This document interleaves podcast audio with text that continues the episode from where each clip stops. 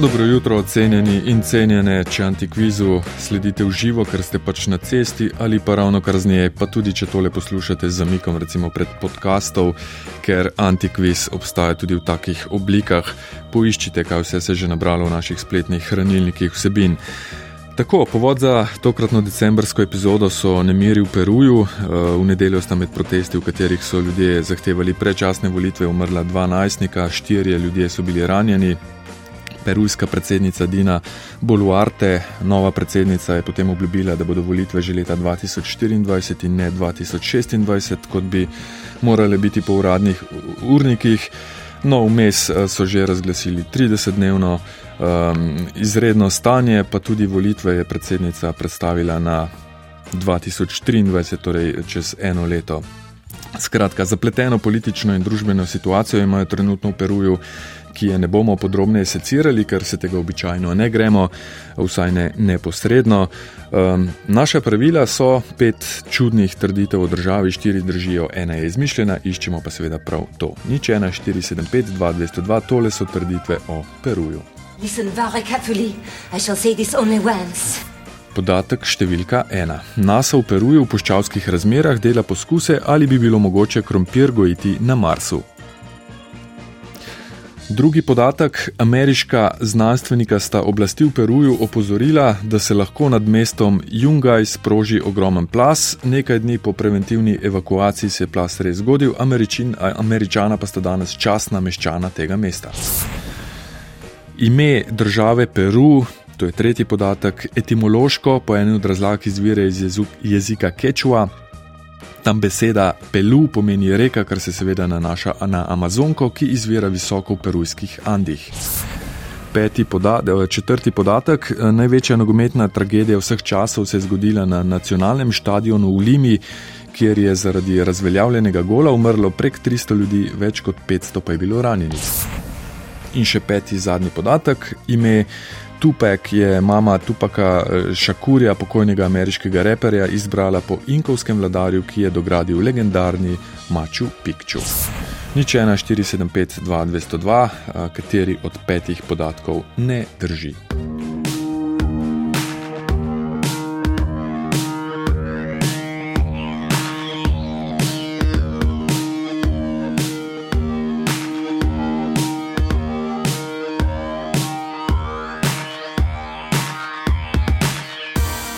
Pet podatkov o Peruju. Torej imamo Peru, smo sicer že imeli v Antikvizu pred uh, dobrimi tremi leti, novembra 2019. Uh, dva podatka bi utegnila, oziroma bi utegnili uh, celo prepoznati, čeprav sta predrugačena od takrat. Uh, kdor se mora biti spomni, sicer pa še enkrat, če vseh pet uh, gojenih krompirja na Marsu NASA poskuša priti do tega v Peruju. Pa ameriška znanstvenika, ki sta danes časna meščana mesta, ki sta ga rešila pred um, plazom, pa Peru je etimološko iz besede Pelu, kar pomeni reka, ki se nanaša na Amazonko, torej reka. Uh, največja nogometna tragedija vseh časov in uh, Tupak, um, legendarni inkovski vladar, ki je dal ime Tupaku Šakurju. Ognjen, dobro jutro. Dobro jutro. A veste, katera je država ognjev, kateri državi tako pravijo? Zdaj le mi je uh, asociacija padla. Uf, to, to pa ne bi vedel. Država ognjev, Azerbajdžan. Smo ga tudi Aha. že imeli v Antikvizu. Ampak pustimo, Peru, uh, pet podatkov, kateri vam je najbolj sumljiv. Mesto v bistvu dva, ta, ta Tupek, uh, ime pa največja nogometna tragedija, tako da bi enega od teh dveh izbral pa rečemo, da je um, um, rečemo tupek ime. Uh, da ni čistko. Uh, mislim, da, ni, da, je, da ima nek uh, pomen, oziroma drug, ne vem, če je povezano z res vladarjem, lahko pa da se motim, bolj ugibam, kot da bi zares vedel. Maču Pikču, verjetno eden najbolj znanih simbolov Inkovskega kraljestva, ena od sedmih čudes sveta, najbolj priljubljena točka Peruja, tudi od leta 1983 tudi del UNESCO svetovne dediščine, zgrajen je bil tam okrog leta 400, 1450, eh, torej manj kot um, pol stoletja pred Kolumbom. Zahod ga je na novo odkril 1911, no njegovo gradnjo pa pripisujejo dvema inkovskima vladarjema. Mhm. Prvi je Pačakutek Japanku, Japankuji in drugi je Tupak Japankuji. In smo prišli do reperja Tupeka, rodil se je sicer kot uh, Lisane Parish Crooks, ampak njegova mama se je, ko je bil Tupek star eno leto, poročila z Mutuljem Šakurjem, spremenila svoje ime v Afena Šakur in tudi svojemu sinu v Tupak Amaru Šakur. Tupek prav po inkovskem vladarju iz druge polovice 15. stoletja, Amaru pa iz rabščine in pomeni si oča kača. Tupek šukur sicer znan tudi kot dva pek, pisano z dvojko pek, Machiavelli, eden najvplivnejših in najbolj prodajnih izvajalcev hip-hopa in repa, očim dealer, tudi na seznamu najbolj iskanih ubežnikov FBI-ja svojih časov, mama pa v črnih panterjih, takrat afroameriškem gibanju za pravice temnopoltih američanov, uh, hip-hop legenda, torej, ki je dobila ime po inkovskem vladarju iz Peruja, ki je dogradil Maču Pikču ognjen. Super, hvala. Drži. Škoda. Hvala tudi vam, lep dan. Lep dan. In se slišimo, ognjen, uh, sledi pa rok iz železnika v rok. Dobro jutro, tudi vam. Dobro jutro, dobro jutro. E, jaz bi se pa odločil za številko ena krompir. Ker je to ne mogoče. Ma, ne vem, zakaj bi američanci uprli probal to. A ste že kdaj slišali uh, reklo, oziroma skoraj, ja, pregovor že skoraj, ja. Soj mas peruano, ke la papa. Sem bolj perujec kot krompir. Uh, težko je kaj bolj um, perujskega kot krompir. In če bi delal kakršne koli poskuse s krompirjem, bi skoraj bilo logično, da jih delaš tam. Ne? Ne vem, prek 3000 vrst jih imajo. Uh, ja. Se pravi, ja, krompir je, kot vemo, ena najbolj perujskih stvari sploh. Um, izviral tam, pri nas ga je uvedla Marija Terezija s svojim ukazom o obveznem sajenju leta 1776, torej štiri leta pred um, koncem njenim. Um, več kot 3000 vrst raste v Peruju, to sem že rekel, znanstveniki pa, pa ga celo um, raziskujejo sajenje krompirja pri predinkovskih kulturah in uh, njegovo neverjetno odpornost. Boj, da so ga sadili že o, pred 8000 leti. Kar se pa tiče nase, čisto zares so leta 2016 um, začeli. Uh, s poskusom z obrobja Atakame, ki v skrajnem robu sega tudi do Peruja, ne, večinoma seveda leži v Čilu, eh, so v Limo prepeljali 700 kg zemlje ter v laboratoriju poskušali poustvariti razmere, kot so na Marsu. Izbrali so 100 najbolj odpornih vrst krompirja, od tega 40 anskih ki morajo biti čim bolj odporne na hitre vremenske spremembe, pa na nerodovitno prst, na suho prst. Eh, z genetskim križanjem so potem iskali še sorte, ki preživijo z res eh, minimalno količino vode in soli, poleg tega pa so imune na razne viruse. Astrobiolog Vadiva Silva je takrat razložil leta 2016, da ti poskusi morda kdaj pridejo prav tudi na Zemlji. Eh, bog ne daj dodajam jaz. So pa čisto zares ugotovili, da bi krompir, ob tem, kar vemo do zdaj, lahko pod nadzorom sedeli tudi na Marsu, eh, kljub temperaturi pod ničlo in eh, milimetru padavin na leto. Ob vseh mogočih ostalih pogojnikih, ki nam pridejo na pamet, seveda, da nimo tem, da je na Marsu lahko tudi do. Mislim, da minus 150 stopinj Celzija, v tem primeru, seveda, ne bi šlo. Ne. Uh, Eh, nisem našel podatka, sicer ali ta poskus še nadaljuje, skoraj gotovo pa, če ne tega, pa kakega zelo podobnega.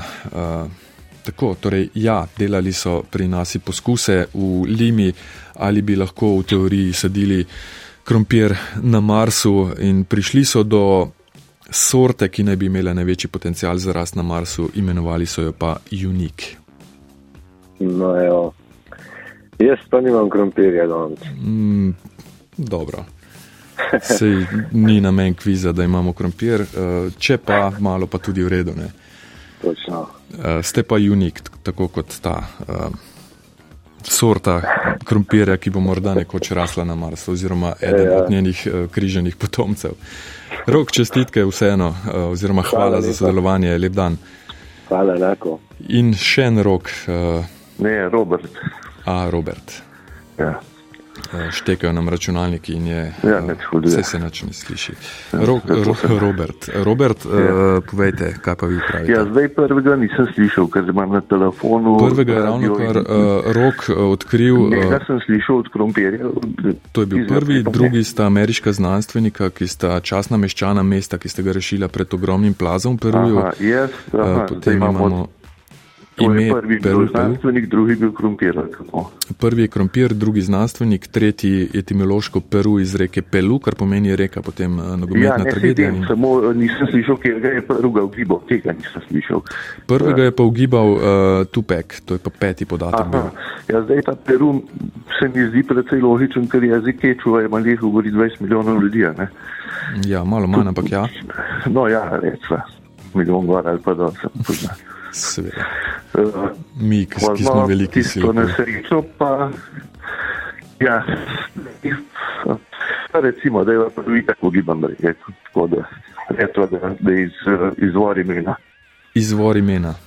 Pa tega ste ravno kar rekli, da je logičen. Ja, logičen je, sam ni pa na pomeni vedno, da, je, da, je, da ne drži. Ne? Tu pa, nimamo se prav krompirja, nimamo pol nam na srečo ostane znanstvenika, nam ostanejo. Ja, pa pa res smo znanstveniki, ajde, da ne bom preveč učiten, vse izvitek je na, na blef vse skupaj.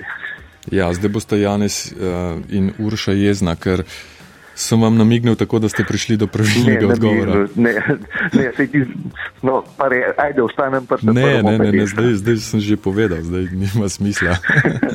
ja. uh, bo, uh, bo Boris vprašal, če sta Janes pa Urša vedela, pa če sta vedela tudi njima, pošljemo nagrado, ker je ravno tak mesec. No. Ampak ja, ta zgodba s plazom, to je taka um, čudna zgodba, trditev ne drži. Uh, je pa zgodba res o plazu, ne, oziroma o dveh velikih plazovih na isti gori, Huaskaran. Um, Vaskaran prvi se je zgodil leta 1962, 11. januarja in popolnoma uničil vas Ranra Irka in še osem uh, drugih vasi v okolici. Umrlo je takrat po ocenah 4000 ljudi, rešili so pa mestece Jungaj, ki je omenjeno v trditvi, s kakimi uh, danes ima 10 tisoč ljudi, imel jih je pa takrat pred uh, 60 leti uh, vsaj še enkrat toliko. Seveda so sledili obširne analize dogajanja leta 62 na gori in dva ameriška znanstvenika, David Bernays in Charles Sawyer, sta ugotovila, da ogromna navpična plošča, ki jo je spodkopal ledenik v severnem delu gore, grozi, da bo padla in povzročila plas, ki bo popolnoma uničil mesto Jungaj in še nekaj drugih uh, bližnjih naselij.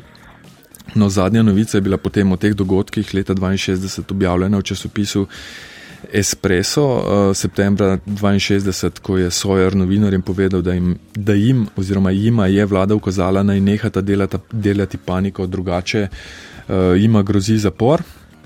Znanstvenika sta zato potem pobegnila iz države, prebivalcem pa so tudi ukazali, da o tem ne smejo govoriti, torej že po plazu, uh, ki je zahteval 4000 ljudi. No, potem pa se je zgodil veliki potres v Peruju, to je bilo pa 31. maja 1970, eh, magnituda 7,9, umrlo je prek 70 tisoč ljudi, 800 tisoč jih je ostalo brez domov. Je pa treba ob tem potresu dodati še eno veliko alinejo.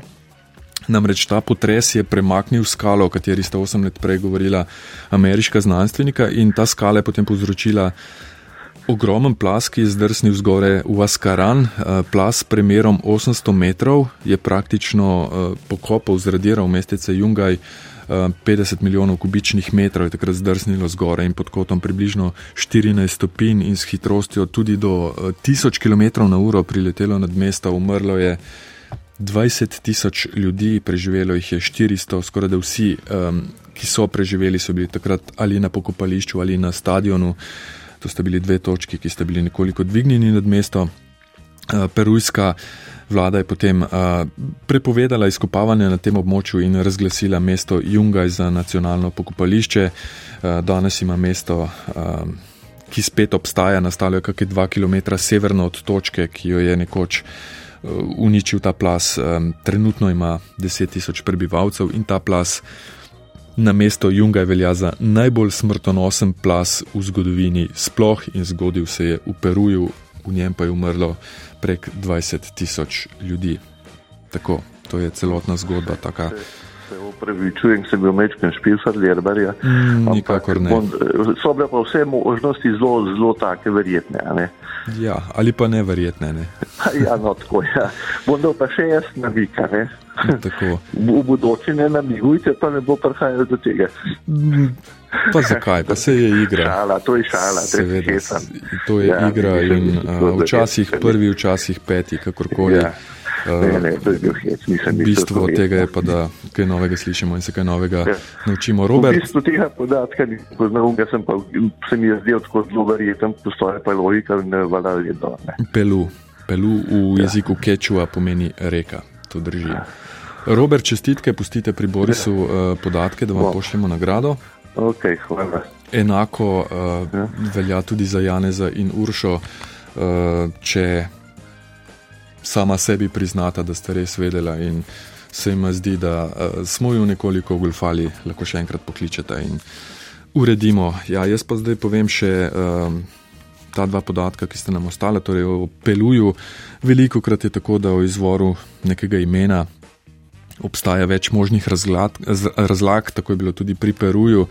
Najverjetnejša je, ljudstvo Kečua v Južni Ameriki danes uh, živi pretežno v Peruju, um, od kakih um, 11 milijonov jih je dve tretjini, torej prav Perujo, no in uh, v jeziku Kečua imajo besedo pelu, ki pomeni reka, reka pa je seveda Amazonka, ki nastane s tekanjem manjših rek, ki izvirata, dveh manjših rek, izvirata visoko v perujskih Andih.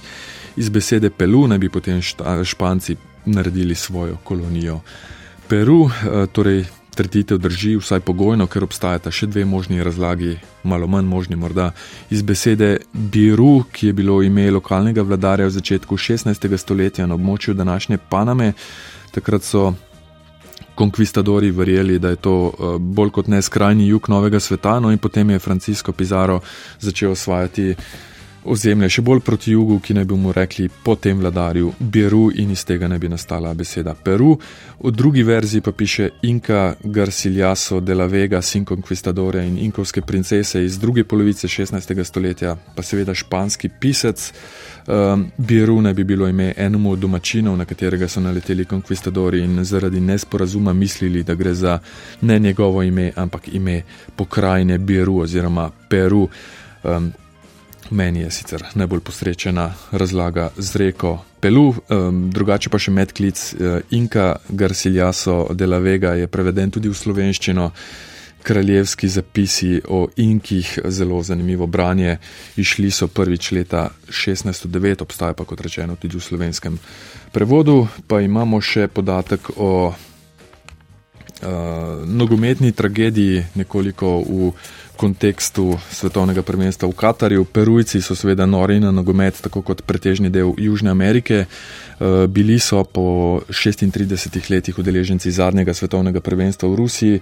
Je pa tale zgodba iz kvalifikacij za olimpijske igre v Tokiu 1964, ki se je sprevrgla v največje oziroma najbolj usodno divjaštvo na kaki nogometni tekmi v zgodovini. Peru je igral kvalifikacijsko tekmo proti Argentini, pomembno za oboje na stadionu je bilo uh, 53 tisoč ljudi, Argentina je vodila z ena proti nič. Um, Peru je potreboval vsaj točko, da bi prehitel Brazilijo in potem je šest minut pred koncem končno dosegel gol. Sodnik iz Urugvaja ga je najprej priznal, potem pa je na prigovarjanje Argentincev zaradi domnevnega prekrška ta gol razveljavil.